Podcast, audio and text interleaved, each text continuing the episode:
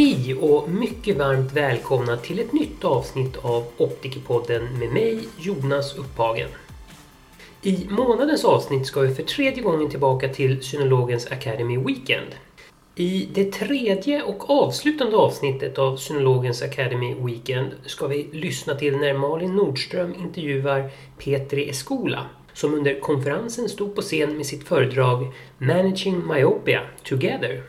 Så med de orden lämnar jag över till Malin och Synologens Academy Weekend.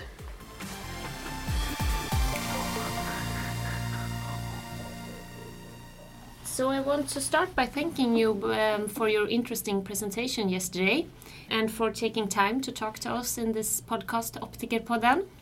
You joined the podcast two years ago and uh, now we will have a little bit of a follow-up and update. So let's start with a short presentation of you and your background in optometry.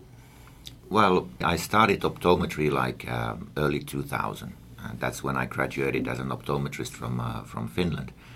And uh, since then, the journey has taken me uh, from managing optical shops into a uh, to the Hoya Vision Care, where I currently work at. And uh, for the last three years, I've been working uh, purely on myopia management, and that's been, I would say, really interesting journey to see, you know, the early steps of the myopia management uh, from from the moments when there was a lot of, I would say, skepticism a lot of you know convincing needs to be done or had to be done on that time. Well, we still don't know too much, and, and there's of course a lot of work to do. But uh, mainly my days today are, are, filled with myopia management and, and helping practitioners to you know start with the management, and, and that's that's really enjoyable days, I yeah. must say. And you work for Hoya Lens. Yes, for yeah. Hoya Vision Care. Yeah. yeah, Hoya Vision Care. Sorry. Can you give us a short summary of your uh, presentation from yesterday? Yeah, sure. So um, yesterday I was talking about uh, about two things. Now, first thing was to give an idea to uh, Swedish practitioners about you know how do you get started in the myopia management. Um, what are the aspects that you know you need to take into consideration in terms of what sort of treatments you might to choose, uh, where do you want to go, where where you wouldn't potentially want to go.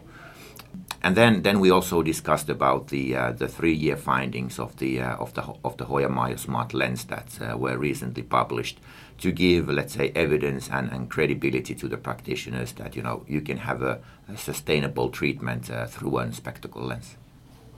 So tell us a little bit about MyoSmart. Um. Well, um, in, in all essence, MyoSmart is a, is a spectacle lens, um, super easy uh, to fit uh, doesn't require any any special skills in that sense. So if you know how to fit a, a regular single vision lens or a progressive lens on a high accuracy level, then you can fit also MyoSmart. Then uh, the other aspect is, of course, that you know, well, how how how do you manage the clinical part? Again, working with MyoSmart is super easy in the sense that you know you need to meet the certain basic re- requirements, which is basically committing to a certain treatment protocol. And, and that treatment protocol tells you that, well, you should see the patient at least every six months. You can see, of course, the patient every month if you want, but minimum is every six months. And then we highly recommend, of course, that you know you would use cycloplegic refraction uh, whenever you can, and then, you know, as an as a follow up, you can use, for example, uh, autorefractometer measurements if you don't have access to the uh, uh, optical biometers like uh, measuring the actual length. So, it it's easy to get started with. You don't need to do any magical tricks, and and and when when you have your own optometrical background strong enough that you feel confident, then you just go. So, what are the benefits with MyoSmart? Well, uh, to put it simply, you can slow down the progression of the myopia. Yeah. That's that's that's clear. Uh, the other good point is that um, the MyoSmart is super easy to adapt. We we have clinical evidence about the adaptability. So basically, when the child are fitted with the MyoSmart lens, there's virtually no adaptation issues. It, it doesn't change dramatically their visual uh, performance or anything in, in their life. So it's an it's a safe uh, method of starting myopia management also from the practitioner's perspective, because you don't need to anticipate any, any problems ahead. So if they are used to a regular single vision lens, there is no difference for them, or um, like in Uh, visual acuity or something. They Ba- basically, no. Um, we know from from the uh, from from the experience that there might be some slight reductions. For example, when we talk about uh, contrast vision, uh, we also know that there might be slight reductions in terms of the visual acuity. But what it means in, in real life, it means that uh, when the child is wearing MyoSmart lens, they might lose two or three optotypes from one row. So you don't even lose a row when you are using MyoSmart lens. So in that sense, does it really have an impact in real life? Uh, I, I really have doubts.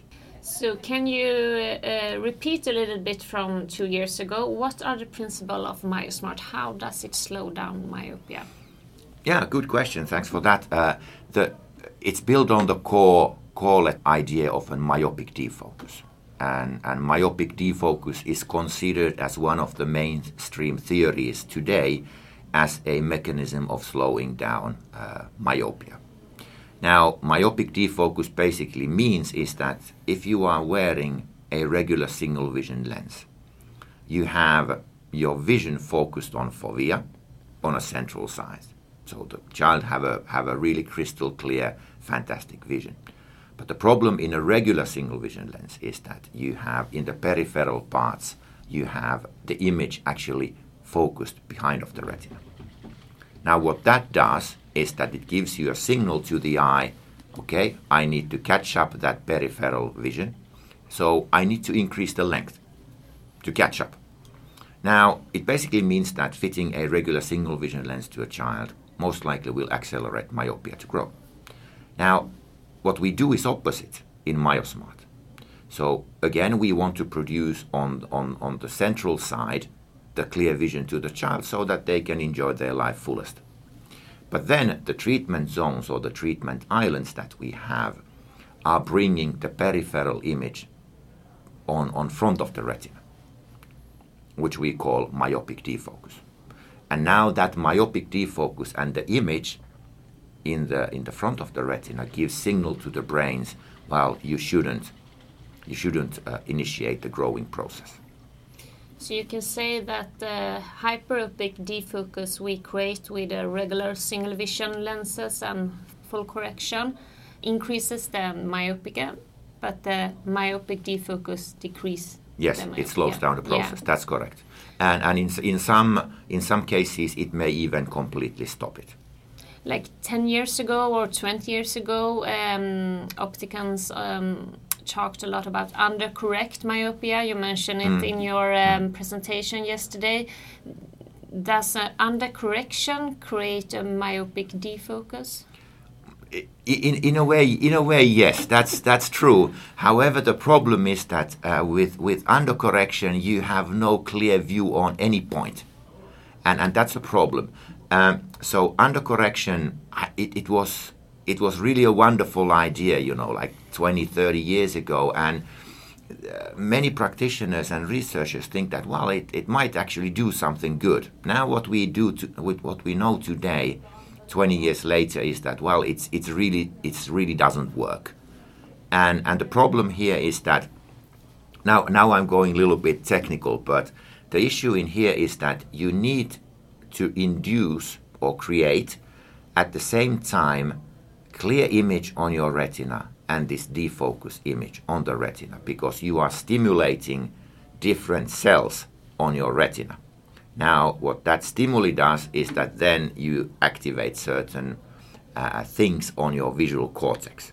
Now, that's deep, deep enough for Yeah, now. advanced but- course. Yeah, yeah. uh, well, we can have a next episode on, on what happens in uh, visual cortex V1 and everything, but I don't think it's the case now. So, what we need to remember is that when we want to uh, produce the, you know, the defocus, it's about creating simultaneous competitive images. So, at the same time, you have the clear view and you have the blurred view, if you will. But if you would blur everything, that wouldn't work. Because then the eye starts to grow to find a clear image, or Yeah, and, and, and then you know you, you don't create the right stimuli Yeah. on, on the retina. So uh, you need to have both images at the Yeah. same time. So that's that's the thing. Very interesting but yeah it's hard to understand and it's very technical and uh, but we need to have uh, understanding so we can um, give the parents and the kid right information because they're going to be questions so That's true. how should we talk to young people and their parents about myopia control without scaring them Yeah, that's that's really a good point because first of all we should uh, uh, avoid fear talk. Um, we of course needs to be let's say informative about the uh, potential risks coming on the later life. Um, however, it shouldn't be the only conversation point that we have. Uh, we should also acknowledge that you know uh, that myopia is not a disability although it you know little bit affects your life because you know for example myself being a six diopters myope uh, without any correction i I'm, I'm blind as a bat. I, I can't see uh, basically anything. It's like you know i can see colors and that's it almost like but you know we, we would need to talk also about that you know it's it's okay. It's not a disability. It's uh, it's it's nothing wrong in there. And also really important for the child is that you know look uh, there's nothing wrong with you you, you didn't do anything wrong uh, because you know child child or, or you know younger teenagers especially can be really hard on themselves and you know almost blaming themselves like ah, well I, I did something wrong and I now I have this horrible you know disease on me we, we, should also be like a comforting because the psychological communication uh, is equally important. How do you address the matter? Uh, it's not about you know clinical findings and you know disease only. That's that's really important. What what exactly you should say? I don't have the magical script here and say, well, if you say these words to everybody, then it's uh, happy days. But you know, this is also something what the practitioners should think about like what is my storytelling towards parents that I feel comfortable with. So once you figure that out to yourself, it's more easier to explain it to the parents. Uh, so two years ago, when you joined Optikerpodden, MyoSmart wasn't available in Sweden. Yes. Uh, can we use MyoSmart in Sweden now? Yes, you can. So uh, I'm I'm super happy that uh, the product has finally arrived to Sweden, uh, together with the uh, basically entire Nordics. Uh, two years ago, I, I was really you know excited to talk about you know MyoSmart and the myopia management, but you know it was a little bit also that you know people were asking, well, sounds fantastic. When can I sell it? And and then you are a little bit like, well, mm, it's coming soon. And and and and well, now we are there. And, and, and at the same time, I need to also say that um, within two years, a lot of a lot of things have changed in Sweden. When when I think about the attitude of an optometrist towards myopia management, uh, also you know their their knowledge about myopia management, we are, I would say, totally different place in Sweden where it was two years ago. I mean, I'm having this as an outsider view uh, based on the discussions uh, with different uh, uh, practitioners. So uh, I also must congratulate, you know, Swedish optometrists that you know how fast you are learning and picking up new things. It's uh, it's really amazing. Yeah, that sounds good. When should MyoSmart be considered for a patient? So, uh, in our clinical protocol, we say that uh, MyoSmart is suitable for patients between 6 to 18 years of age. That's, that's the range where we see that uh, the product is suitable. However, if the practitioner chooses to prescribe it to an older person um, or a younger person, then that's based on the uh, practitioner's own clinical judgment.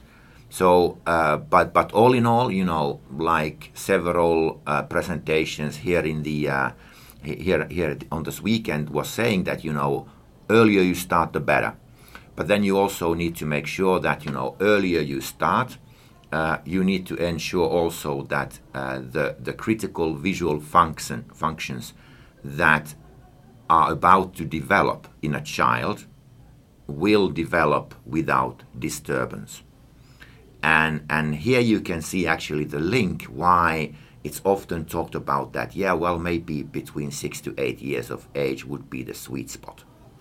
And that's also coming from that your core visual functions have already then evolved as a child.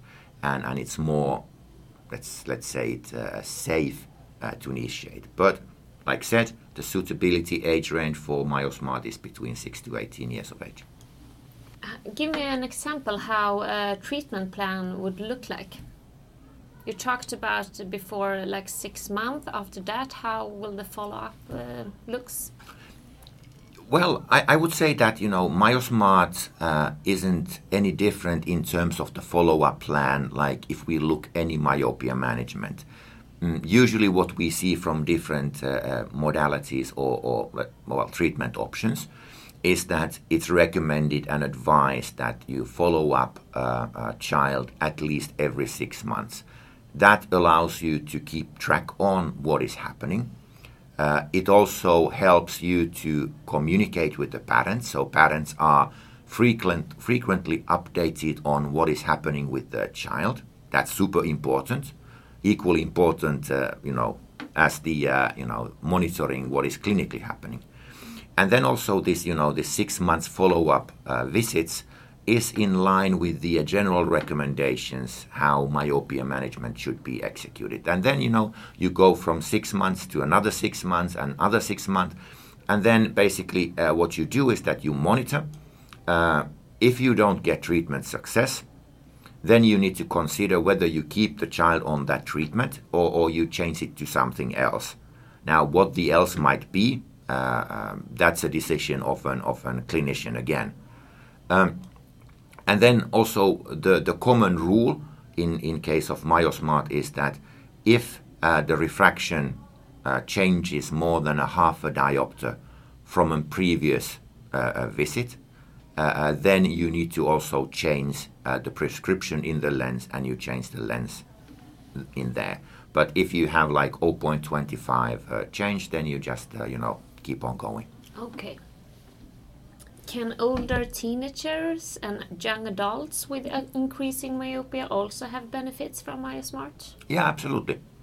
And you know, like often we talk about early intervention and initiate the treatment early, but it's never too late. As as long as the uh, myopia keeps on growing, you definitely want to slow it down. Yeah. Now, of course, we need to be realistic that if you initiate the treatment uh, when when the uh, the person is let's say 16 years of age. Then most likely majority of the myopia has already developed. Uh, however you are able to slow down the rest. Yeah. So it's always worth of doing it yeah. i would say. Yeah.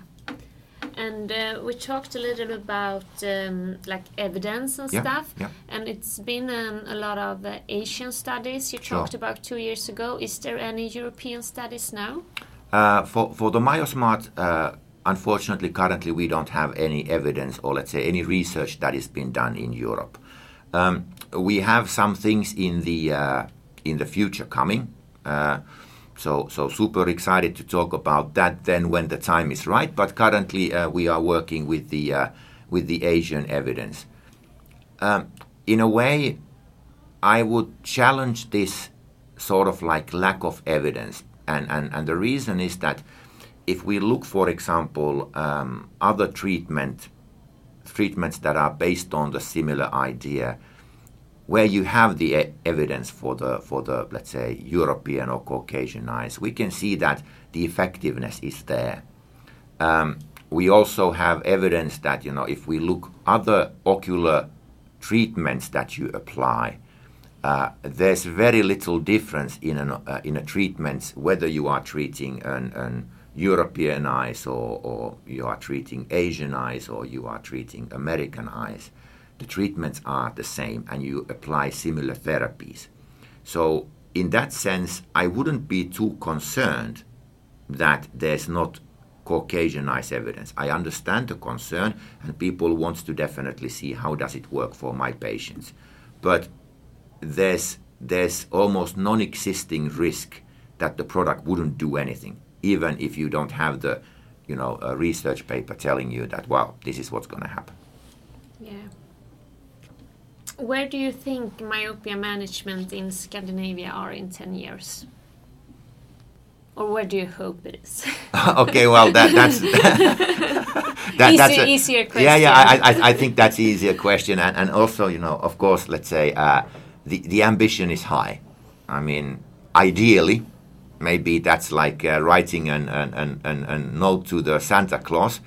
Uh, is is that uh, you know we would be we would be in the point where prescribing regular single vision lenses to children would not be the mainstream as it is today. We we know from global perspective that way more than half of all the prescriptions or all the children are wearing regular single vision lenses today, like stock lenses. yeah. Now, if we could change it another way round, that more than half of the children in, in Nordics would be wearing, like for example, myopic defocus based single vision lenses. That would be amazing. Um, in Finland, is myopia management public health care? Uh, no, it's not. And, and that's that's one of the challenges. We we had a, um, discussion forum uh, uh, over the weekend here uh, where we were able to uh, you know discuss and build a bridge together with the uh, ophthalmologist. And and here here of course is the complexity in the sense that you know myopia management or myopia control is not written in the uh, in the standard uh, let, us say the care standards in a way. So it doesn't exist as a definition. And and that also slows down the whole process because uh, I understand the ophthalmologist point of view on on what you should treat and what you shouldn't treat. So I think there's a lot of work to be done but still even when it's not part of the public health care it can be a part of private healthcare, where optometrists, for example, play a really important role. And, and also, what we need to understand is that the care providers in public healthcare has a completely different point of view on who you should treat because of the limited resources, whereas the practitioners who are in the public healthcare don't have the se- uh, you know a, a similar similar thing. So private might be moving faster forward than the public in, in this case. Of course, the, the problem is that not all people can afford of uh, relatively expensive treatments. And, and now we are not talk, now we're talking not only about myopia management.